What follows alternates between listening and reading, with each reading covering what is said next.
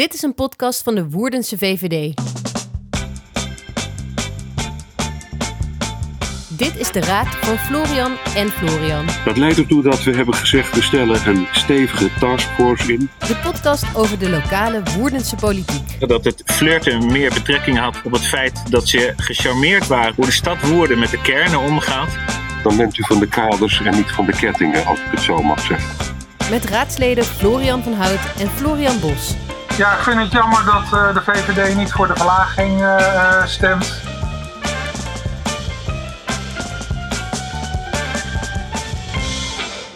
Ja, en welkom bij de allereerste aflevering van de Raad van Florian en Florian, de podcast over de lokale Woerdense politiek, waar we je meenemen voor en achter de schermen van die uh, Woerdense politiek. Ja, en eigenlijk uh, proberen te laten zien wat daar allemaal gebeurt. Um, Florian, welkom. Ja, ik heb er zin in. Ja, het is de allereerste aflevering. We gaan gewoon uh, experimenteren en, uh, en ook weer leren. Kijken hoe we uh, een mooie podcast kunnen gaan neerzetten. Uh, maar laten we maar gewoon uh, beginnen. We hebben donderdag raadsvergadering gehad. Uh, veel onderwerpen op de agenda. Die kunnen we natuurlijk niet allemaal bespreken.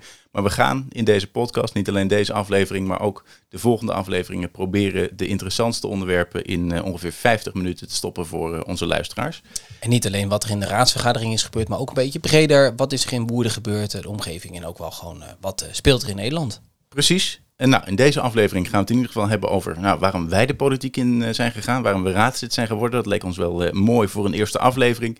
Daarnaast ook de ja, uh, foutjes die de laatste tijd op het gemeentehuis worden gemaakt. Dus ja. kijken wat daar nou precies aan de hand is. En dat zijn er nogal wat. Dat zijn er nogal wat, zeker. Maar eerst eens even kijken, wat viel ons op in het nieuws? Um, nou, wat viel jou op in het Woerdense nieuws van afgelopen week?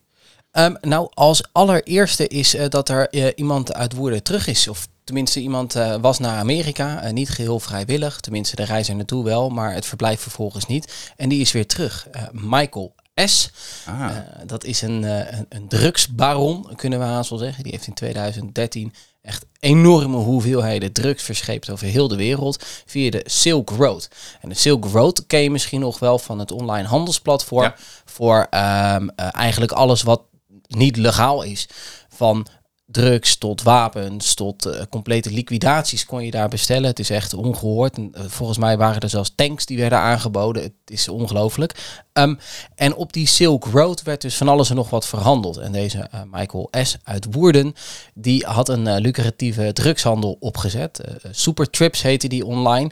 En die verzond via DVD-hoesjes van die limited editions met zo'n met zo'n metalen behuizing. Zodat douane het waarschijnlijk niet zou opmerken. Drugs naar heel de wereld. En nou, daar verdiende die verschrikkelijk veel geld mee. Ja, wat voor uh, bedragen ging dat? Nou, um, uh, hou je vast, 380.000 bitcoins. Want ja, je kan niet zomaar euro's nee. terugsturen per post of zo. Je moet dat via een transactie doen. Een transactie die veilig is, waarvan je zeker weet dat die aankomt. En dat is de bitcoin. En um, nou ja, dat is nu miljarden waard. Echt. Ja. Miljarden. Uh, ongeveer 19 miljard zouden die 380.000 bitcoins nu waard zijn. En dat, dat is gewoon meer dan wij uitgeven in Nederland aan defensie. Dat is een, een, een 11, 12 Nou, dus dat miljard. budget kan altijd wel wat omhoog, maar... Uh... Ja, zeker weten, maar dat, dit is voor een drugshandelaar wel van ongekende orde. Nu moet er een nuancering uh, zijn, want in 2013 was dat het niet waard. Toen was het een, een, een, een aantal miljoenen waard, volgens mij in 13, 14, 15, 16 miljoen, ongeveer 100 uh, euro per bitcoin was het uh, destijds. Desalniettemin was dat een uh, aardige verdienste. Maar goed, hij is dus gegaan naar Amerika, daar is hij gearresteerd. Is hij voor een hele lange tijd veroordeeld, maar hij kreeg corona in de cel. En dat is de reden waarom hij nu terug is in Woerden. Want met de Relief Act, zoals dat dan heet, kon hij terugkomen. En nu is hij weer ja, weer terug in Nederland. En, en is hij hier dan gewoon in Woerden op vrije voeten? Of, uh... Hij is op vrije voeten. Ik weet niet of hij nu weer in Woerden woont. Um, maar hij is in ieder geval op vrije voeten. Oké, okay. nou, dat is uh, ik denk de meest recente toevoeging aan het rijtje illustere uh, Woerdenaren. Ja, er is ook al een, als je het interessant vindt, er is al een eerste serie gemaakt. En volgens mij wou Netflix ook nog een serie gaan maken of een film van deze jongeman. Dus nou, je kan het in ieder geval nog een keertje nakijken uh, op een zaterdagavond. Nou, dan gaan we naar een, eh, een andere soap eigenlijk. De, even een uitstapje naar de landelijke politiek. Want nou, we gaan het maar niet over de, de formatie hebben en wat daar allemaal eh, mis is gegaan de, de afgelopen weken met eh, notities die eh, zichtbaar waren voor de camera's. Maar wel even over de uitslag voor de Tweede Kamerverkiezingen in Woerden. Want we hebben natuurlijk op 15, 16 en 17 maart verkiezingen gehad. Eh, en dat was goed nieuws voor ons, want de VVD kwam daar de grootste uit, eh, als grootste partij uit de bus met 25,3% of 25,2% van de stemmen. Dus maar net hoe je het eh, bekijkt, want ik zag dat in de Woerdense krant had de gemeente de uitslag gepubliceerd en dan hadden ze 25,2% gezet. Nou, wij sloegen natuurlijk gelijk aan het rekenen, omdat er mensen waren die zeiden, ja, de VVD heeft 0,1% verloren bij de verkiezingen ten opzichte van de Tweede Kamerverkiezingen in 2017. Maar wat blijkt, de gemeente heeft de eh, totale opkomst meegenomen. Terwijl de kiesraad zegt, als je eh, de aantal zetels wil berekenen, de kiesdeler, dan moet je alleen het aantal op kandidaten uitgebrachte stemmen meenemen. Dat hadden wij gedaan. Toen kwamen we op die 25,3% afgerond. Dus nou, dat we toch even gezegd hebben, we zijn gelijk gebleven, dames en heren. Dus dat, dat, dat is goed voor onze luisteraars om te weten. Dus dat hebben we gelijk de, de wereld uitgeholpen. Maar er waren ook, was ook iemand eh, die, die is zijn woorden al langer bezig volgens mij. Maar die had zich ook laten inspireren door de Tweede Kamerverkiezingen. Ik weet even niet waar je nu, eh, nu op doelt. Nou, ik weet niet of je het gezien hebt, maar we hebben in Woerden eh, op heel veel verschillende plekken staan er tegenwoordig extra verkeersborden Ja. met van die teksten erop. Ja. Pin- Pinda, rotje. Eh, en en, en de, de- nou, daar was nu weer een, een nieuw bord toegevoegd. En die was geïnspireerd op de, op de Tweede Kamerverkiezingen. Alleen ik heb even de, de tekst volgens mij niet paraat wat erop stond, maar het, het ging volgens mij... laat je stemming niet verpesten, was het geloof ik. Hij was in ieder geval op die kunnen, manier geïnspireerd op de Tweede Ik, Kamerverkiezingen. ik Dus- heb de briljante bordjes wel eh, voorbij zien komen. En ik, ik heb ze ook wel zien staan. Het is eh, heel erg grappig. Woerden, eh, de, de gemeente Woerden, de ambtenaren, die halen ze ook meteen weer weg. Ja. Want het is niet de bedoeling dat mensen allerlei, hoe leuk ook, allerlei borden gaan plaatsen. Ehm, eh, dat ja, schept verwarring. Hoe grappig het ook is, is bedoeld. Dus ze mogen helaas niet blijven hangen. Maar iedere keer halen ze wel weer het nieuws. Want met iedere plaatsing van het bord komt er toch een klein krantartikeltje online. En eh, een fotootje van eh, de grappige tekst. Dus dat is hartstikke leuk. Ehm, nee, dat, dat klopt. We hadden nog meer een mooi nieuws. Dat kwam ook in de raadsvergadering afgelopen donderdag even aan de orde. En dat is dat we als Woerden, nou ja, niet bij onze eigen inwoners alleen geliefd zijn, maar blijkbaar ook bij een van onze gemeentes in de omgeving. Ja, er zijn lentekriebels. Het dat is, kun je wel stellen. Ja, er zijn lentekriebels. Het is, het, er wordt geflirt met Woerden. Ja, en dat is, ja, dat is wel spannend. Het is een, een buurgemeente, of nog niet eens een direct aangrenzende Nee. gemeente, maar de gemeente Lopik. Die hebben besloten om een herindelingsgemeente te worden. Dus die gaan op zoek naar een geschikte partner, een kandidaat. En in de raadsvergadering werd gezegd dat Woerden eh, wel een, eh, een leuke plek is. Dat Woerden met haar kernen, Woer, eh, Woerden is natuurlijk de stad, die had al de stadsrechten en die heeft in de afgelopen 20, 30 jaar een aantal omliggende dorpen erbij gekregen. Zegveld. ja, en ehm, er is een compliment gegeven dat wij zo goed omgaan met die kernen. Dat wij eh, hun eeuwig stimuleren, helpen, bijstaan. eh, goed omgaan met eh, de kernen. En, nou, en dat zag Lopik wel zitten, want Lopik heeft een heleboel kleine plaatsen. Dus werd Woerden genoemd als een potentiële kandidaat. Nou, dat gaf natuurlijk enige zo, Consternatie. Ja. consternatie bij ons Ik ben in... er zo van onder de indruk. Zo ja, en dan nog steeds ja. Want ehm, ja, moeten wij opeens gaan herindelen? Krijgen wij er geen nieuwe gemeente bij? Nou nee. Zover is het nog lang niet. Eh Woerden is alleen maar genoemd door de ChristenUnie heel specifiek als, nou, eh Woerden doet het goed. Dat Ja. is fijn om te horen. Maar meer dan dat is er ook niet gezegd of, of, of besloten of gedaan. Want er is nu alleen maar in Lopik gezegd, wij willen een eh, aansluiting zoeken bij een andere gemeente. Want wij als gemeente zijn te klein om zelfstandig te kunnen blijven. We moeten die aansluiting eh, zoeken. Nou, en onze burgemeester die heeft gezegd, ga dan eerst even met je buren praten. En ga niet over de schutting naar twee huizen verderop kijken, naar eh, ons. Maar ga eerst even met die buren praten. En nou, als het gesprek in Woerden op gang komt, dan worden wij in ieder geval als eerste daarover ingelicht. Ja, als, als gemeenteraad. Dan Als horen we dat gemeenteraad, van onze burgemeester. Ja, ik ik Ja. vond het ook wel opvallend. Eh, de, de, de krant maakte natuurlijk van dat ene compliment gelijk loop ik flirt met woorden. eh, Ja. alsof er een hele nou, bestuurlijke paringsdans werd, eh, werd uitgevoerd. Nou, Woerden en onze burgemeester was een eh, vrij statische danspartner, denk ik. Maar ja, wat wel opviel in dat debat werd volgens mij ook gezegd... ja, laten we dan niet alleen kijken naar, naar Woerden... maar ook Oudewater en IJsselstein. Dan kunnen we een soort supergemeente vormen van 125.000 inwoners... die tegenwicht kan bieden tegen Utrecht. Ja. Dus ik zat even te rekken. Ik denk, hoe komen ze nou aan die 125.000 inwoners? Maar hadden ze al die gemeentes, Oudewater, Woerden, IJsselstein... hadden ze allemaal bij elkaar opgeteld Ja. qua inwoneraantal. En dat zou dan het nieuwe, de nieuwe gemeente moeten worden. Maar ja, toen dacht ik, nou, dat gaat Woerden volgens mij zelf ook niet, eh, niet zo snel doen. Nee, en ik denk dat Reem Bakker een hartaanval krijgt. Want die heeft gezegd dat de gemeente niet groter moet worden dan 60, eh, 60.000 inwoners. Dus als je in één keer doorschiet naar boven de 120.000, dan gaat hij denk ik met een rolberoerte tegen zijn vlakte. Dat denk ik ook, onze collega van Woerden voor Democratie. Ja, dan hadden we op de raadsvergadering nog, nog nou, veel andere onderwerpen staan. Die kunnen we niet allemaal nu, eh, nu behandelen. We hebben het ook lang gehad over eh, eigenlijk het grootste deel van de avond over budgetoverhevelingen. Ja, wat is dat eigenlijk, een budgetoverheveling? Ja, dat is een heel ambtelijk woord voor. eh, nou, de, gemeente werkt met begroting. Hè. We zeggen altijd voor een bepaald jaar denken we dat we zoveel geld gaan uitgeven en dat er zoveel geld binnenkomt. Nou, de, de plannen waar je dan geld voor reserveert, kun je soms niet allemaal uitvoeren door vertraging of je hebt te weinig tijd. Of, nou, een oorzaak eh, en een budgetoverheveling is eigenlijk eh, het besluit van de gemeenteraad dat je dat budget dan in het volgende jaar alsnog mag uitgeven. Dus het geld wat je apart had gezet voor jaar 1, nou, heb je niet uit kunnen geven en voeg je eigenlijk toe aan het budget voor jaar 2. Dus dat budget voor jaar 2 wordt groter. Dat is kort gezegd een budgetoverheveling, maar dat wil je voorkomen omdat je eigenlijk zegt als ik geld reserveer voor één jaar eh, en plannen maak voor dat jaar, moet je die ook gewoon allemaal uitgeven, je geld opmaken en ook niet meer dan dat. Eh, dat is je netjes aan je begroting houden en wil je dus eigenlijk niet dat budget steeds mee moeten nemen naar het volgende jaar. Dat speelt al heel lang in de raad. We gaan het in een latere podcast nog een keer uitdiepen, want het is een vrij technisch, eh, technisch onderwerp.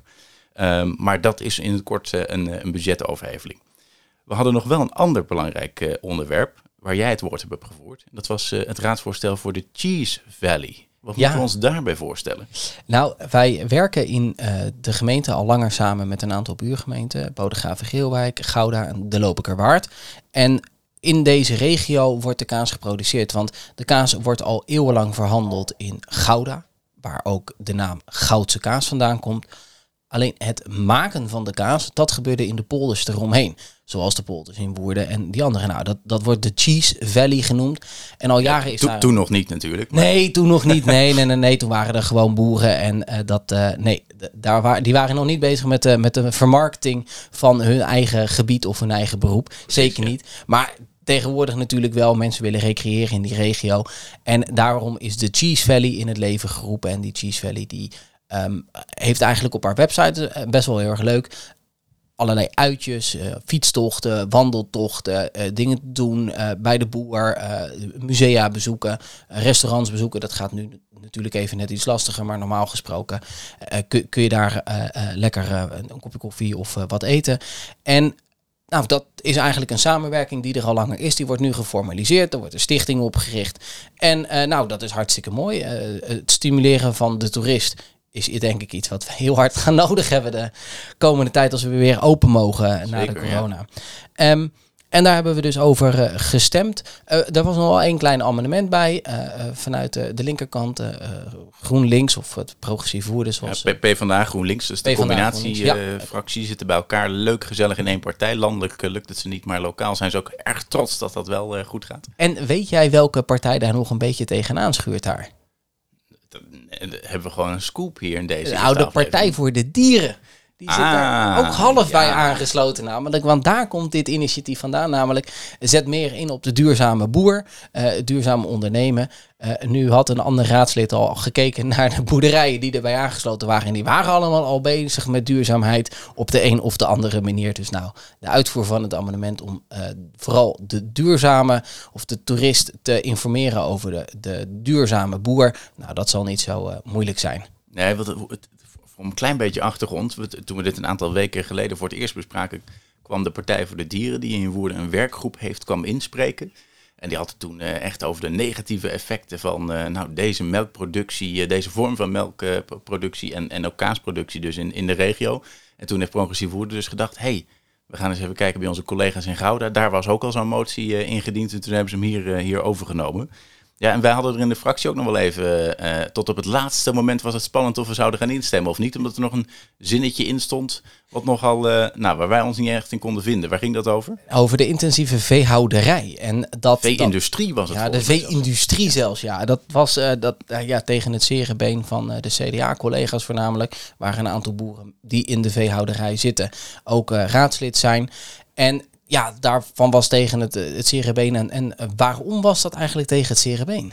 Nou ja, kijk, het idee, eh, als de, zo zat progressief voerde natuurlijk ook eerst er een beetje in. Dat hebben we in het debat nog met, eh, met Jelmer Vierstra van die partij eh, gezien. Dat ze zeiden van ja, als we dan eh, indirect subsidie gaan geven met die stichting, hè, ah, de, de kaas gaan promoten van die boeren, dan moeten we dat wel alleen doen voor de kaas die duurzaam is geproduceerd.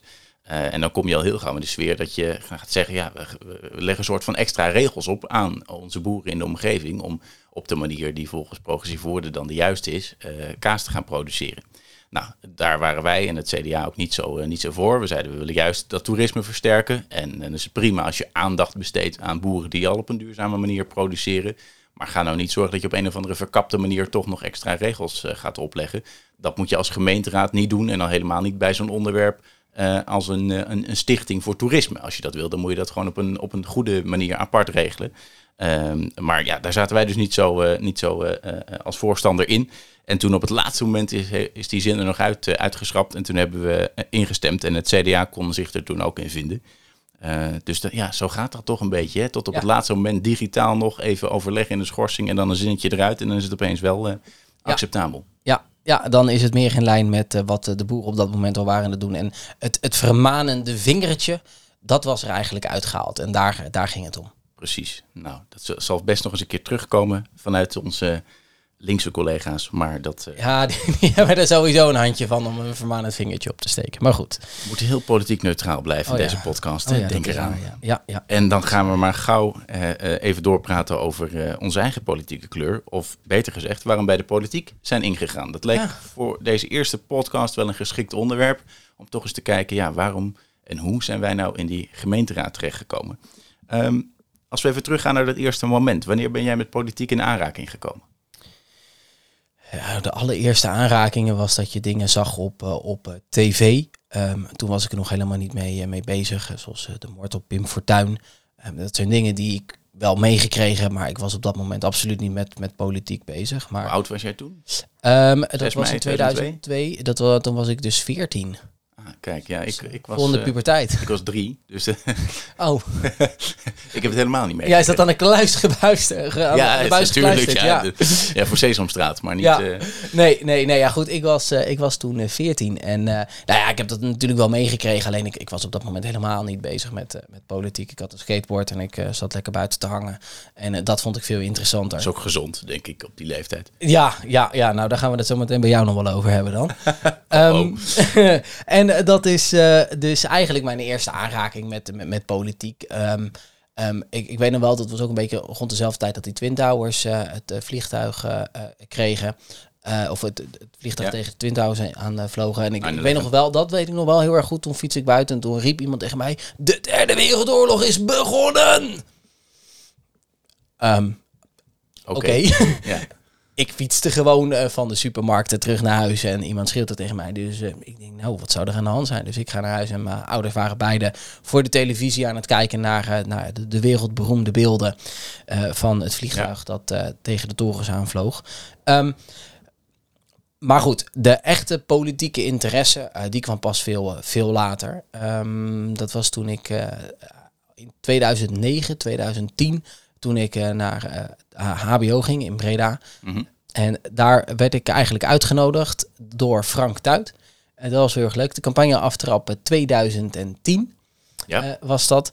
Ehm, en ik dacht, ja, wat, wat moet ik op een campagne aftrap van de VVD? Waarom zou ik daar nou naartoe gaan? Ja, even, even voor de context van de luisteraars. Frank Tuit was op dat moment, eh, eh, werd of eh, stond op het punt raadslid te worden, denk ik, in, in Woerden. Die heeft van 2010 tot 2014 was die eh, VVD-raadslid hier. Ja.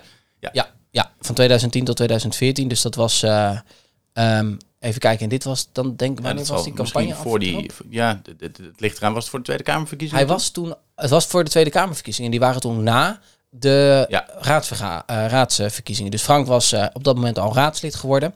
Ehm, En die zei, Florian, ga je mee?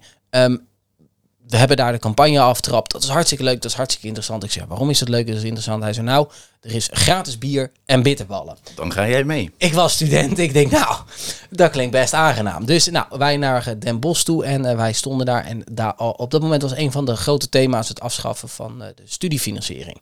En ik was als eh, beginnend student daar natuurlijk op tegen.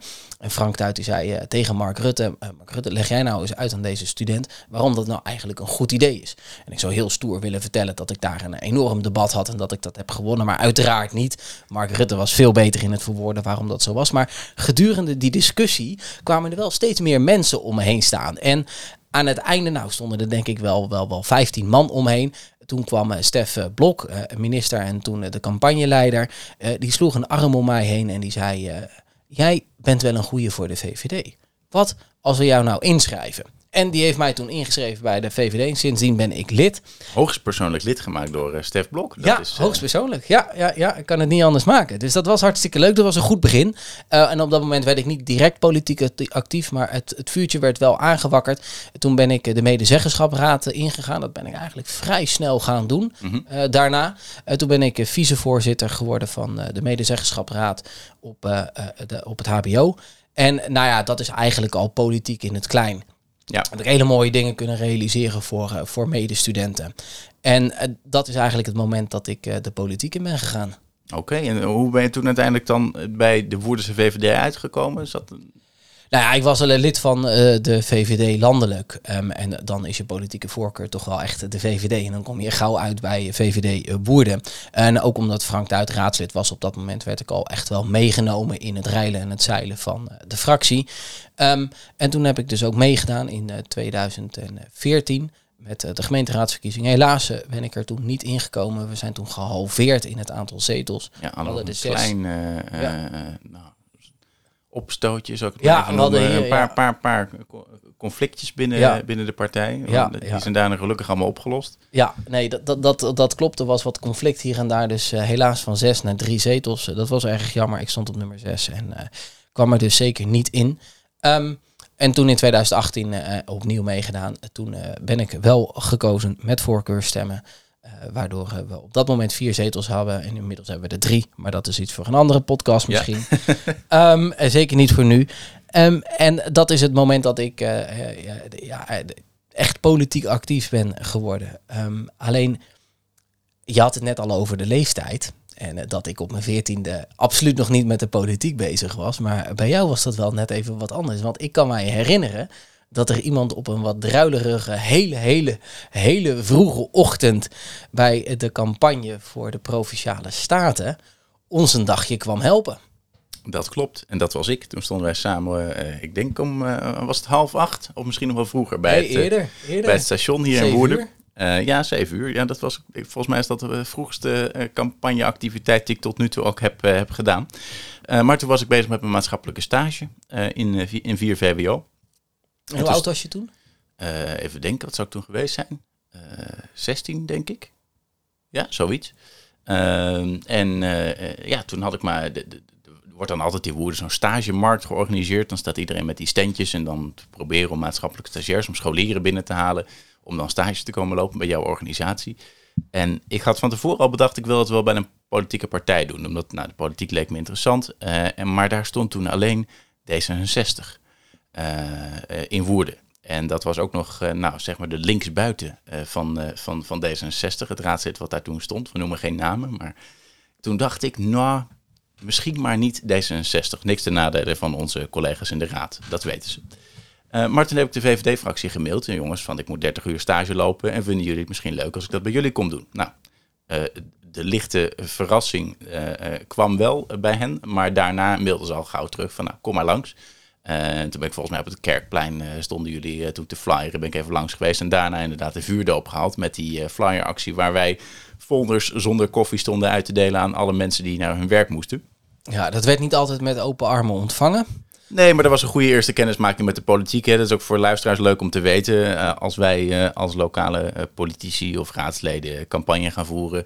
Een campagneactie is niet compleet zonder dat er iemand tegen je zegt dat je een zakkenvuller bent. Of ja, dat je maar moet ophoepelen met de politiek. En dat is vaak ook een begrijpelijke reactie. Maar ja, het jammere was dat we op dat moment die mensen ook geen zin hadden om dan met ons in gesprek te gaan over waarom ze dan, zich dan zo voelden en dat vertrouwen uh, waren verloren. Maar ja, dat proberen we sindsdien altijd wel, uh, al wel te doen.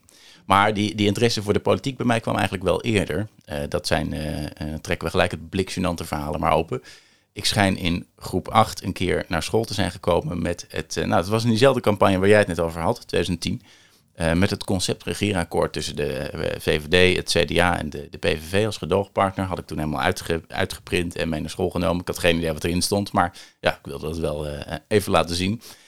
Dus dat, ja, dat, dat, dat is natuurlijk uitgebreid gememoreerd toen ik ook de basisschool verliet. dat ik degene was die nou, dat deed. Dus als we het over gezond hebben, wat ik net zei, dan slaat die opmerking ook deels op mijzelf. maar goed, daar natuurlijk een hele tijd niks mee gedaan in, in de zomer van 2012 uh, wel in Den Haag geweest. Uh, gewoon de, met, met, met, mijn familie. En dan planten ze mij op het binnenhof achter die hekken die er nu ook staan in de formatie. En dan stond ik wel leuk te kijken naar hoe Mark Rutte in en uit liep bij, die, bij de Eerste Kamer. Daar om zijn formatiegesprekken te voeren. Dus ja, ik had al wel door van, hé, hey, hier gebeurt iets. Hier worden beslissingen genomen in die politiek die invloed hebben op je, op je leven. En ik snap natuurlijk helemaal inhoudelijk niet waar, zeker niet in de landelijke politiek, waar dat nou precies over ging. Want het, ja, het zijn te grote, te grote thema's. Maar ik had wel door van hier gebeurt iets en, en dit is interessant. En toen later op de middelbare school kwam dat natuurlijk. En daarom kwam ik ook uh, met die maatschappelijke stage op het idee om dat uh, bij de lokale VVD te gaan doen. En toen eigenlijk blijven hangen, net zoals jij, uh, fractieassistent geworden. Dus een soort raadslid zonder stemrecht in Woerden. Dus je mag wel overal over meepraten, maar niet, niet stemmen. Dat heb jij ook gedaan vanaf ja. 2000. Wel, wel denk ik. Wat, wat het wel is, is dat als fractieassistent in Woerden je wel volwaardig meedoet. Het is niet dat je een, een, een, uh, het, de, de, tweede viool aan het spelen bent. Eigenlijk kan je alles doen wat een normaal raadslid doet. Je wordt ook zo gezien. Uh, al je input wordt gewaardeerd. Je kan eigenlijk alles doen. Alleen uh, mag je gewoon wettelijk gezien niet in een raadsvergadering deelnemen. En de uiteindelijke beslissingen vinden ook plaats in die raadsvergadering. Ja. Precies. Um, maar goed, in de commissievergaderingen, dat is waar eigenlijk het werk vooraf gedaan wordt, wat uh, misschien nog wel belangrijker is, uh, want het gaat vooral om de beslissing tijdens de, de raadsvergadering. Um, en daar kan je gewoon vol, vol aan meedoen. En dat is eigenlijk wel heel erg leuk en interessant. Zeker, maar het is ook een voordeel, denk ik, van het feit dat wij een iets kleinere gemeenteraad hebben. We zijn natuurlijk een gemeente van ongeveer 52.000 inwoners. Dat betekent dat we 31 raadsleden hebben. En je ziet wel dat uh, uh, de grotere gemeenteraden vaak een beetje, uh, nou dat wordt dan neerbuigend gezegd, tweede kamertje proberen te spelen. Amsterdam bijvoorbeeld. en ja, daar heb je dan ook, daar ben je als raadslid gewoon van een grotere gemeente, van een grote stad. Ja, heb je ook ja, zoveel meer thema's dat, dat die raad, ja. dat daar ook op automatisch een soort meer tweedeling in komt. En bij ons is dat eigenlijk wat meer gemoedelijk. En dat past ook wel bij het karakter van woorden, denk ik, als, nou, hoe zeggen we het altijd, dorpse stad. Uh, waar iedereen elkaar kent. Uh, dus nee, je mag hier volwaardig meedoen. Alleen dat stemmen, ja, dat is wettelijk niet, uh, wettelijk niet toegestaan. Maar dus zeker een oproep. Als je interesse hebt in lokale politiek, meld je aan bij ons. Of bij een andere fractie, een andere ja, nou, partij. Nou, dat is misschien wel leuk, want er is ook een, een, een, cursus daarvoor. Dat is politiek actief. Ja, die is net geweest. Ik geloof dat afgelopen woensdag was de laatste avond. Dat zei de burgemeester ook nog tijdens de raadsvergadering dat hij die had afgesloten. Er waren best heel veel deelnemers die zeiden: Ik wil wel wat meer weten van die lokale politiek. Ja, nou, dat is hartstikke leuk. En er heeft ook uh, direct een raadslid zich aangemeld. Uh, die is uh, geïnstalleerd afgelopen raadsvergadering. Ja, en kan, kan een, een inwoner die zei van ik ja. wil wel iets in die, in die politiek gaan doen. En die, dat was bij, bij een van onze collega-fracties. Die is nou, gelijk fractieassistent ja, geworden. Dus, dus zo snel kan leuk. het gaan. Ja, op, de, op woensdag afgerond, op donderdag benoemd tot fractieassistent. Ja, hoppa. Als dat nog eens een meritocratie is, dan, dan weet ik het ook niet meer. Ja, um, om nog eens even door te gaan over uh, op, uh, op onze ervaringen als raadslid. Um, wat is de grootste tegenslag die je tot nu toe in je raadswerk hebt meegemaakt? Oeh, ik moet er even over nadenken. Weet jij hem? Heb jij hem al paraat wat bij jou de grootste tegenslag is geweest? Nou, het is niet zozeer één ding, maar wel ehm, we hebben natuurlijk allebei als fractieassistent, als commissielid wel wat gezien van hoe die, uh, hoe die politiek functioneerde. Hè. Dan zaten we vaak uh, in het oude gemeentehuis nog boven op de publieke tribune, waar je dan zo uh, naar beneden op de, op de raadsleden keek tijdens een vergadering. Maar wat mij wel tegenviel, eh, is dat het als, als raadslid zelf toch nog weer heel anders is. Eh, en wij zijn natuurlijk na de verkiezingen in de oppositie terechtgekomen.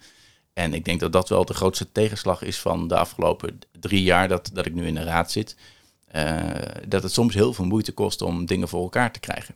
Eh, en dat is niet zozeer één ding. Eh, ja, de grootste tegenslag die, die, ik wel kan noemen is dat we het niet voor elkaar hebben gekregen om een OZB-verhoging tegen te houden. Dat, dat inwoners en ondernemers meer, meer moeten betalen, zeker in deze moeilijke tijden. Dat, dat beschouw ik wel als de grootste tegenslag. Ehm, maar het is in zijn algemeenheid natuurlijk dat je als eh, nou, toch een relatief kleine fractie eh, je best moet doen om dingen voor elkaar te krijgen. Dat het af en toe best moeilijk is. Maar aan de andere kant, daar zit ook weer eh, hetgene waar ik meest trots op ben. Natuurlijk de, keren dat dat wel lukt, geeft dat ook weer heel veel voldoening. Nou, dan heb ik een vergelijkbare, ja, eigenlijk een vergelijkbaar iets. Want ehm, helemaal in het begin, toen ik net raadslid was, toen las ik iets over Stichtse Groenlanden. En eh, dat is een, eh, een samenwerking over het beheer van eh, grote openbare recreatiegebieden hier in eh, de omgeving. En ik las dat en ik denk, ja, eigenlijk is dit een, eh, eh, een, een club. En eh, dat is een tuinman. En die tuinman moet het gebied een beetje on- onderhouden. Maar die tuinman doet net alsof hij een attractieparkdirecteur is. En allerlei ontwikkelingen moet gaan doen en dat soort dingen. Maar het is een tuinman. En de tuinman moet gewoon met een heggenschaar heel kundig zorgen dat de tuin er netjes bij ligt. En niet gaan bedenken wat voor recreatieve voorzieningen erin ja, begonnen kunnen worden. En toen heb ik eigenlijk alle raadsleden gewaarschuwd. Dat heb ik eh, twee jaar lang gedaan. En toen heeft eigenlijk niemand mij eh, gehoord. En iedereen dacht weer, eh, nou ja, daar is die Florian weer met, met zijn opmerkingen en, en zijn punten dat het daar allemaal niet goed gaat en dat soort dingen. Dus dat was een, misschien een beetje een tegenslag. Maar uiteindelijk bleek dat het wel een vooruitziende blik was. En dat ja, het allemaal niet goed ging daar. Het kostte verschrikkelijk veel geld. Het enige wat ze deden was eh, vergaderen. De- meer dan 30% van al het geld ging naar vergaderingen. Nou, dat is onbetaalbaar natuurlijk Ja. voor, voor een tuinman. Ehm, Tuinmannen moeten niet vergaderen, Nee. toch? Nee. nee, zeker niet 30% van, van al hun tijd. Dus daar, eh, eh, dat wordt nu eh, opgeheven en er gaat iets nieuws eh, plaatsvinden. Maar daar zal op een andere podcast nog wel meer aandacht aan besteed. Ja, eh, desnoods eh, maken we er een bonusaflevering van om eens uit te leggen wat het recreatieschap Stichtse Groenlanden nou precies inhoudt. Nou, Want ook dat zijn de onderwerpen waar we als lokale eh, politici mee te maken krijgen, eh, lieve luisteraars.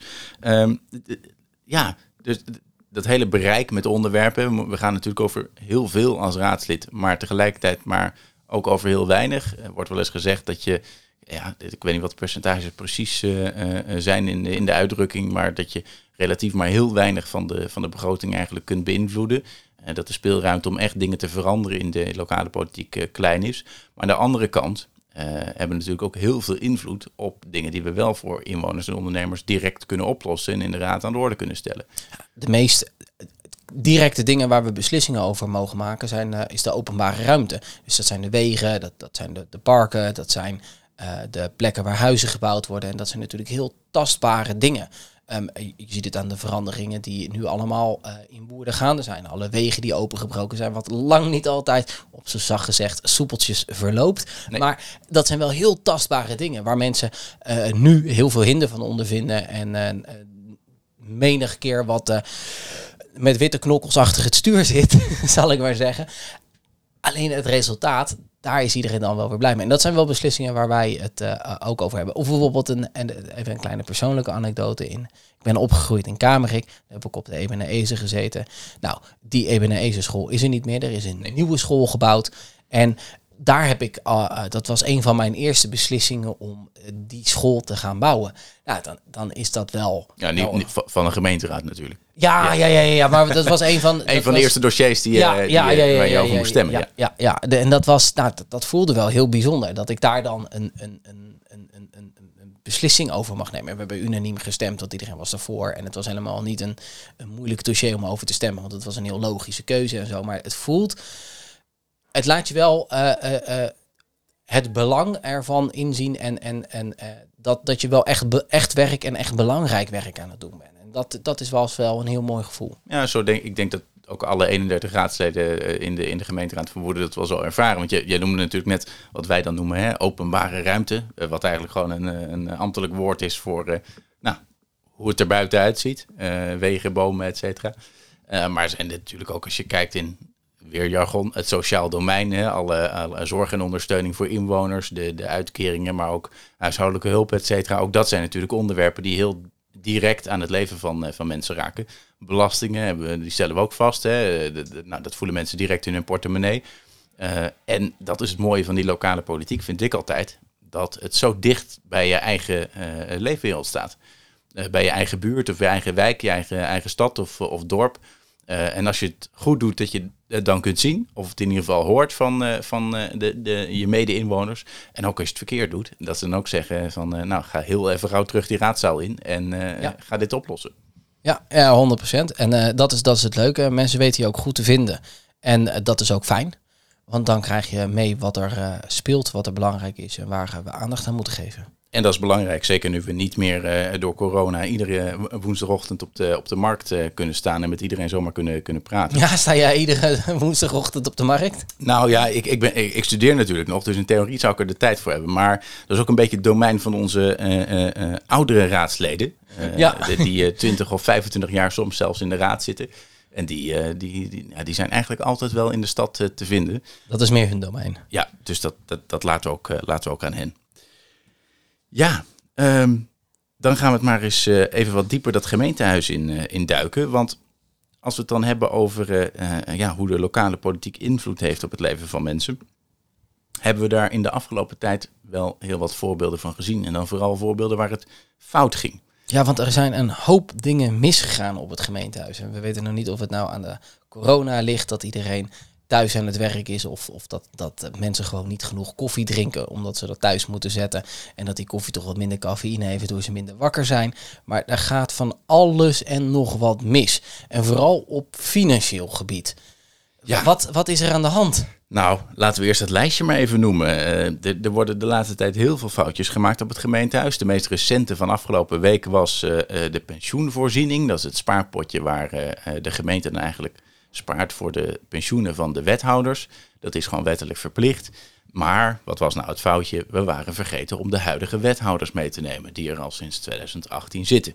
Daar was dus geen pensioen voor gereserveerd. Dus moesten we weer wat geld bijplussen. En dat geven we niet uit, maar dat moet je dus wel weer apart leggen om, als een wethouder met pensioen gaat, dat aan hem te kunnen betalen. Nou, de week daarvoor hadden we de OZB-misser. Die heeft iedereen denk ik wel meegekregen en in ieder geval eh, eh, op zijn eh, deurmat gezien. Eh, al dan niet digitaal. Want het college had, eh, of de ambtenaren hadden de verkeerde WOZ-waarde gebruikt bij het berekenen van de OZB-tarieven. Nou, wat ging daar fout? Even heel kort. We zeggen als gemeenteraad in de begroting, zoveel geld willen wij binnenhalen met de OZB. Nou, dat is door de hele bezuinigingen die we vorig jaar hebben doorgevoerd enorm omhoog gegaan, waar wij tegen waren. Maar goed, eh, dat is gebeurd. Eh, vervolgens kijk je, wat zijn de huizen in Woerden nou waard? Hoeveel is die waarde gestegen? En daar rolt dan uiteindelijk een percentage uit wat je aan belasting moet ophalen. Dus als de huizen meer waard worden, kan het zijn dat het percentage belasting van die waarde omlaag gaat. Eh, zo werkt die berekening ongeveer. Wat was er nou gebeurd? Ze hadden bij de allerlaatste berekening, vlak voordat het stuk naar de gemeenteraad ging, de verkeerde WOZ-waarde gebruikt van 2019, toen de huizen minder waard waren, waardoor je percentage uiteindelijk te hoog wordt. Ja, dat was fout 1. Daar hebben wij ook veel aandacht aan besteed. En gelukkig heeft de wethouder nu gezegd, eh, nou dat hebben we donderdag opgelost door de nieuwe tarieven, eh, de gewijzigde tarieven eigenlijk vast te stellen. Wij hebben daar tegen gestemd. Dat is raar. Ja, Waarom deden we dat? Nou, omdat we principieel tegen die eerdere verhoging waren. Want de belastingen zijn ontzettend verhoogd. En dan is het ontzettend stom dat je eerst de belastingen verhoogt en vervolgens mensen ook nog eens een keer aanschrijven voor het verkeerde bedrag. Ehm, dat is nu rechtgezet. En uiteraard, het is belangrijk om dat recht te zetten. Dat kan ook niet anders. En het is goed dat dat meteen is eh, gedaan. Maar dat wil niet zeggen dat we voor die belastingverhoging eh, waren. Sterker nog, we hebben ontzettend ons best gedaan om ervoor te zorgen dat die hele belastingverhoging niet doorgang hoefde te vinden. We hebben voorstellen gedaan. We hebben in de begroting gezocht, want bij, de begrotingsbehandeling is het moment dat je dit soort voorstellen Ja. kunt doen. Dan kunnen we beslissen over de budgetten, over hoeveel geld gaan we waar gaan uitgeven. Nou, we hebben daar echt ons best voor gedaan. Wij hebben eh, een aantal andere keuzes gemaakt, waardoor de belastingen niet omhoog hadden gehoeven. eh, en ook niet in de komende jaren. Dat heeft het helaas niet gered. Ehm, Ja, en dan vinden wij ook niet dat we nu voor een belastingverhoging eh, moeten stemmen. Ook al is het eigenlijk alleen maar het rechtzetten van een eerdere fout. Het is en blijft een belastingverhoging en eh, daar zijn we gewoon niet voor. Nee, ja, dat is het eigenlijk. Hè. Het is niet meer dan het corrigeren van, eh, van de gemaakte fout. We vonden ze al te hoog, nu waren ze nog hoger dan te hoog. Eh, en ja, dat we ze nu nog steeds eh, weer terugbrengen naar te hoog. En dan eh, stemmen we nog steeds niet in met die tarieven. Maar je zag wel bij andere partijen, vooral de coalitie, hè, dat ze dan gaan, dat is ook politiek gaan roepen. Ja, vinden het jammer dat de VVD tegen belastingverlaging stemt. Ja, dat hoort erbij. Maar helemaal eerlijk was het niet. Maar goed, om het lijstje af te maken. we hebben nog meer, we hebben nog meer foutjes op de plank liggen. Eh, bij de parkeertarieven die we eh, nou, eh, twee weken daarvoor hebben besproken in de Raad, was een bijlage vergeten. Het, het documentje met alle tarieven. Eh, zo ongeveer iedereen is, is slecht betrokken bij een ander belangrijk onderwerp waar de gemeente over gaat. De onderwijshuisvesting, dus gewoon de schoolgebouwen. De Wilhelmina school die moet in een tijdelijk pand komen te zitten omdat ze de school gaan slopen. En En wat ook- zijn ze daar vergeten? nou, wat zijn ze er niet vergeten, zou ik eerder zeggen. Want je hebt er natuurlijk veel, veel mensen die, die het aangaat. Hè? De school zelf, de ouders en de leerlingen die daarop zitten. Maar ook alle omwonenden van de locatie waar het college dan de nieuwe tijdelijke school in gedachten had. De Vesten, vlakbij het, eh, het. Het, het zwembad zelf, de sportschool die erin zit. eh, de camping die ernaast ligt, camping Batenstein. Die waren allemaal eigenlijk slecht meegenomen. En dan gaat de wethouder weer excuses maken. En ja, die mensen hebben een paar brieven gestuurd, waren niet beantwoord. Nou, daar gaan we het later nog een keer over hebben. Eh, maar dat is ook zoiets waarvan je denkt, jongens, doe je werk als gemeente nou gewoon goed. Want het verwachten die inwoners van je. Wat ik nog wel echt, en dat is de volgende dan. Ik, ik vind het zo stuitend, ik begrijp het ook gewoon niet. Maar ehm, ze zijn iets vergeten. ehm, namelijk een Excel-regel. Ah, die. Ja, dat is En- al even en geleden. Maar Het is al iets langer geleden, maar hij doet nog steeds pijn. Het is iets wat je vergeten bent, want ja, je, je vergeet een Excel-regel te kopiëren. En eh, ja, je bent opeens 1,3 miljoen goedkoper uit. Want de, de kosten van 1,3 miljoen in de jeugdzorg, die zaten er niet bij. Eh, en niemand die dat opmerkt. Eh, totdat er opeens later blijkt, oh maar wacht even, we zijn een Excel-regel van 1,3 miljoen. Heb jij ook zulke dure Excelletjes als je op je werk bezig bent? Nee, absoluut niet. Nee, nee, nee. De 1,3 miljoen tikken wij niet, eh, niet aan. En dan, als ik hem dan vergeet, dan eh, denk ik dat ik wel problemen heb. Ja, nou, volgens mij was dat in dit geval ook wel zo. Maar ja, er er was een, een, een, een, een Excelletje met alle contracten in het sociaal domein. Hè, dus voor de, voor de jeugdzorg. En er was er één vergeten, een groot contract van 1,3 miljoen. En dat hadden ze dus niet geprint. Dat was van het blaadje afgevallen. Toen ze dat hebben overgenomen, eh, volgens mij was dat allemaal handmatig. Ja, toen waren we dus opeens 1,3 miljoen goedkoper uit. Jij zei dat. En uiteindelijk kwamen we erachter, ja, en toen moesten we opeens niet alleen in dat jaar, maar ook alle opvolgende jaren weer 1,3 miljoen vrijmaken. Eh, om dat geld, ja, daar zaten we toch aan vast aan dat, aan dat contract. Ja, je kan, je kan niet in de jeugdzorg mensen laten zitten. Dat is geld wat je, wat je moet uitgeven. Nou, waar je het net al over had, is dat we hebben maar beperkte invloed op de dingen eh, waar we zelf over kunnen beslissen. Nou, jeugdzorg is niet een van de dingen waar we zelf over kunnen beslissen. Dat is wat we wettelijk moeten uitvoeren. Dus het is ook niet dat we het even niet zouden kunnen doen. Eh, plus, we willen dat ook gewoon op een hele goede manier doen. Dus daar moet gewoon geld voor zijn. Nou, het is ongehoord dat dat eh, vergeten wordt. Maar ja, er worden wel meer dingen vergeten of niet goed gekoppeld. Eh, ja, dat is dan de laatste die wij hier eh, op ons lijstje hebben staan. In Waterrijk hadden we wat, wat afvalcontainers. Die, er was een proef om dan de, de, de, de containers die daar stonden te vervangen voor een ander type. Volgens mij was het van afvalcontainers naar, naar die PMD-containers, waar je die mooie gele zakken in doet. Daar hebben we ook nog een heel eh, verhaal over met eh, verschillende maten zakken, maar dat gaan we nu maar niet eh, bespreken. Wat ze hadden gedaan, die containers waren vervangen, maar die waren dus nog de koppeling met het afvalsysteem, het afvalteruggavesysteem, was nog in stand gelaten. Dus dat betekent, hè, als je je zak afval weggooit en met zo'n pasje die container open doet, dan wordt dat geregistreerd. En als je dan dat weinig doet, krijg je aan het eind van het jaar geld terug van de gemeente. Ja, dat is het, het, beroemde kliko-stemmen dat we hebben gehad. Want we hebben een, eh, eh, nou, wat is het inmiddels, één, twee jaar geleden, met z'n allen mogen stemmen via kliko-stemmen. En eh, dan konden we kijken welk systeem vonden we het meest beste. Mensen die meer afval aan de weg zetten, meer geld laten betalen of mensen belonen. Dus als er minder afval aan de weg gezet wordt, dat je dan geld terugkrijgt. Nou, we hebben met z'n allen daarvoor gestemd via het nou, inmiddels bijna landelijk beroemde Kliko-stemmen. Het woord is Kliko-stemmen. Ehm, maar ja, dat is nu dus eh, helemaal verkeerd gegaan. Ja, het was op een beperkte schaal. Het ging om niet zo'n heel groot bedrag. Maar het geeft wel aan dat, ja, dat, dat, dat zo'n dingetje dan weer vergeten wordt. Want was, wat was dus het probleem? Als mensen hun plastic afval gingen weggooien, werd dat geregistreerd alsof ze eh, eh, de afvalcontainer gebruikten. En kregen ze uiteindelijk aan het eind van het jaar minder geld terug. Ja dat, dat, ja, dat was gewoon weer vergeten om die koppeling dan ongedaan te maken. Dus het zijn allemaal een soort van slordigheidsfouten die ook voor ons als raadsleden aan inwoners heel lastig eh, te zijn uit te leggen. En ze, zijn wel vervelend als je dan zo'n OZB pakt bijvoorbeeld. Eh, ja, dat heeft toch voor heel veel inwoners en ondernemers die het nu al moeilijk hebben eh, in die economische crisis, in de coronacrisis, dan krijg je ook nog eens een keer zo'n te hoge OZB-aanslag waar je denkt, ja, wat moet ik hier weer mee? Ik moet weer bezwaar maken of wachten tot ik de juiste brief krijg. En dat zorgt weer voor, voor extra zorgen. Dus dat is vervelend. Nou, dat wordt nu allemaal opgelost, omdat het college zegt, eh, de juiste brief ligt eh, zo snel mogelijk op de mat. Daar hebben wij ook ons nog voor, eh, voor ingespannen, want eerst zou dat maximaal vier weken duren, maar dat heeft de wethouder na, na vragen van ons verkort tot 2,5 week. Dus daar zijn we blij mee. Half april liggen die brieven. Als het ook echt allemaal, allemaal lukt en iedereen die te veel betaald krijgt, heeft, krijgt eind april dat, dat geld terug. Maar wij dachten ook in dat debat, en misschien is dat goed om nog wel even over te hebben. Laten we nou voorkomen, in ieder geval op, op dat niveau hè, van die OZB-tarieven, voor ons als VVD een belangrijk eh, punt, belasting, dat daar nog in het eh, eh, voorkomen dat er in de toekomst nog fouten worden gemaakt. Toen hadden we een motie gemaakt om de berekening van de OZB-tarieven standaard aan de gemeenteraad te sturen. Gewoon als we de, die tarieven vaststellen om een klein rekensommetje erbij. Nou, zo zijn we aan die tarieven gekomen. En toen was de wethouder toch wat terughoudend eh, daarin. Eh, ja, en het, toen gaf hij eigenlijk aan van ja, het is niet helemaal de taak van de gemeenteraad eh, om eh, die berekening te controleren. Het zit wel erg in de uitvoering. Maar dat is ook precies mijn probleem met, met de, de motie. Eh, ehm, eh, ook al ben ik het eens met de strekking en de bedoeling, van harte eens zelfs, eh, maar het zit heel erg in de uitvoering. Maar wacht even, volgens mij is het onze taak om te controleren, toch? Dat is een beetje het idee met de gemeenteraad. Die heeft een controlerende taak. Zeker. En de gemeenteraad, ja, dat, dat moeten, we, eh, moeten we doen hè, als gemeenteraad, het college controleren.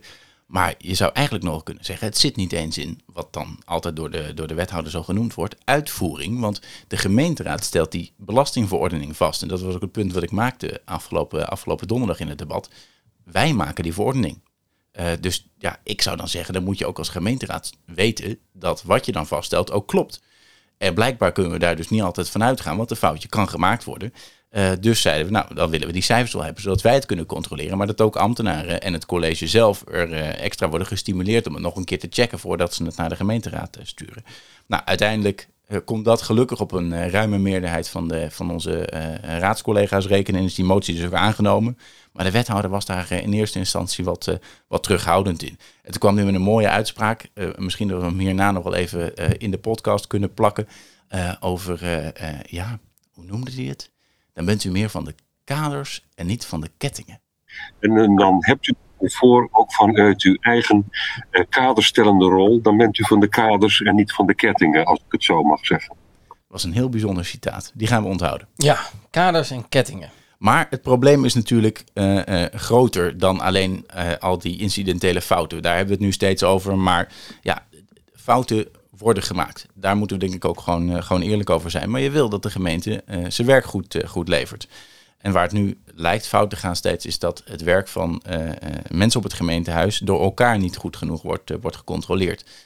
En de wethouder gaf in de, in de pers volgens mij aan, ja, dat komt door corona. Maar hij zei ook, uiteindelijk moeten we het gewoon goed doen. En daar heeft hij denk ik, eh, heeft hij ook denk ik gelijk in. Maar hij heeft ook, dat deed hij heel slim. eh, en dan kan jij zo uitleggen wat hij dan eh, eh, eh, vertelde. Maar toen we eh, eh, twee weken geleden hier een debat over hadden, toen kwam hij voordat iemand uit de raad al wat had gezegd, kwam hij gelijk met de eh, maatregelen die hij zou nemen om het op te lossen. En daar kunnen we toch wel zien dat de wethouder Financiën die we nu hebben, al terecht van Lijst van Does, en, en, en ja, hij is zelf eh, lid van het CDA, wel weet hoe hij eh, het spel met de gemeenteraad moet spelen. Maar je voelde natuurlijk aan, hey, dit, dit is een onderwerp dat gaat niet goed, dat is niet fijn. Ehm, daar moeten we actie op ondernemen. Die actie moeten we goed vormgeven.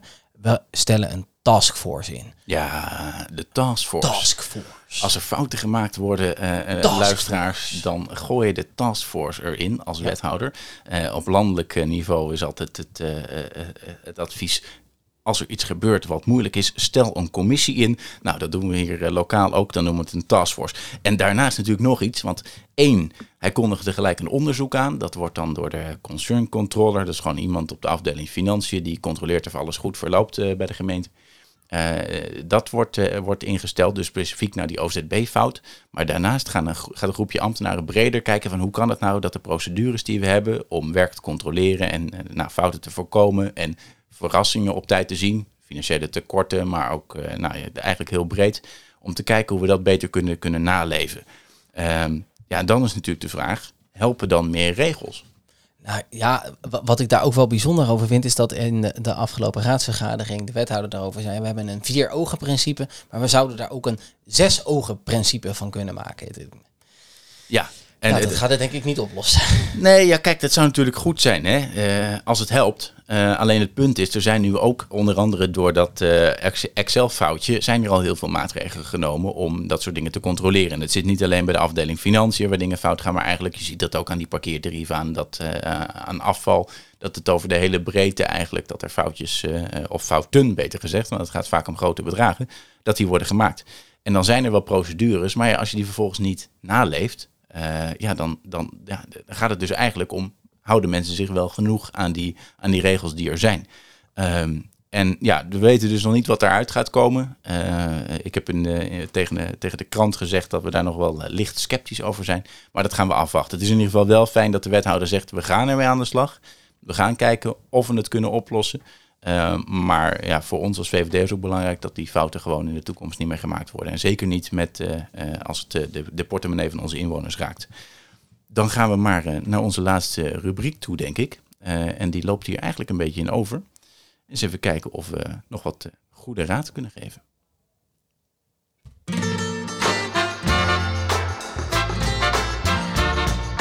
De Goede Raad.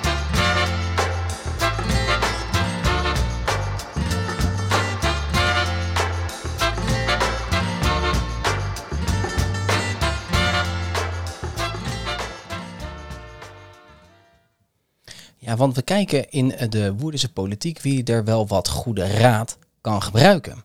En uh, al dat advies moet natuurlijk uiteindelijk leiden naar ook een goede raad en een goede raadsvergadering en goede raadsleden. En uh, ja. ja, wie, wie, wie wil jij eigenlijk uh, een goede raad meegeven?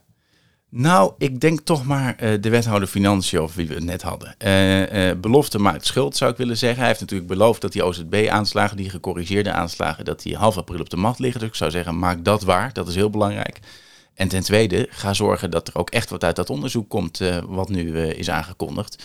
En dat we er echt voor gaan zorgen dat er in de toekomst nou, beter opgelet wordt en dat er minder fouten worden gemaakt. En dat de gemeente ook nou, een keer positief op de voorpagina staat met het is allemaal goed gegaan. En dan is dat natuurlijk ook het, het, het, vervelende. Als het allemaal goed gaat, dan staat het ook niet in de krant. Dus eh, geen nieuws is in dat uh, kader ook goed nieuws. Dat zou mijn uh, advies zijn. Wie, wie wil jij goede raad geven in deze aflevering, Florian? mijn goede raad gaat naar ook een wethouder. Ah, kijk, dus het gaat niet alleen maar goede raad, maar ook, ook om een goed college. Ja, zeker weten. Dit keer wethouder De Weger.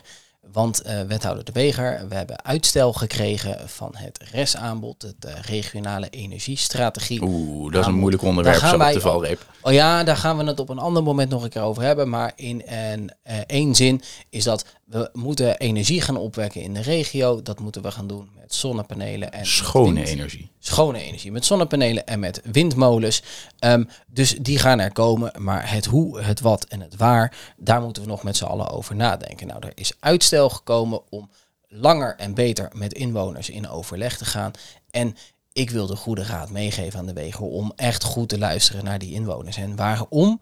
Omdat in Houten niet zo goed is geluisterd naar de inwoners. Daar is een windmolen best dichtbij gezet, een windmolen van 150 meter hoogte. En een derde van de mensen in de wijk in de buurt zegt echt last te hebben van die windmolens. En een uh, eh, 12% heeft zelfs verschrikkelijk veel last. Die kan er niet van slapen, allemaal problemen en dat soort dingen. Nou, dat wil je voorkomen en dat voorkom je door goed in overleg te gaan met de mensen en goed te zoeken naar wat kun je nou waar wel en niet plaatsen. En dat is de goede raad van Florian. Dat lijkt me een mooi advies. En ik denk dat uh, ons collega raadslid Simone, die, ja, die, die is hier dag en nacht mee bezig. dat hij het met je eens zal zijn. En misschien niet alleen van wat moet je waar en- en niet plaatsen, maar misschien moet je ze überhaupt wel plaatsen. Maar dat is een onderwerp voor een, eh, voor een volgende podcast. En we gaan in de volgende aflevering kijken of eh, onze goede raad ter harte is genomen. Ja, dan eh, zijn we alweer eh, eh, tegen het eh, einde van eh, deze eerste aflevering van de Raad en Flo- eh, van Florian en Florian. Wat staat er in jouw agenda dit eh, Het gaat weekend? snel trouwens. Ja. En, en, ja, mijn agenda, ik ga straks naar Amsterdam, naar Frank Duit. Ah, oh, de, de, de, het raadslid waar we het eerder over Ja, hadden. ja. Mooi, veel plezier. Ja, wat ga jij eigenlijk doen? Ja, dat is een goede vraag. Eh, studeren voor tentamens. Ik eh, zit nog midden met tentamenweek. En natuurlijk Oh. weer de raadsvergadering voorbereiden van eh, de, de, ja, de vergadering van volgende week, eh, donderdag voorbereiden. Kijk, en waar gaat je tentamen over? Strafprocesrecht. Dus dat gaat ook over eh, vormfouten. En in dat opzicht eh, blij- blijven we een beetje in hetzelfde thema. Maar eh, dat eh, gaan we vooral niet in deze podcast behandelen.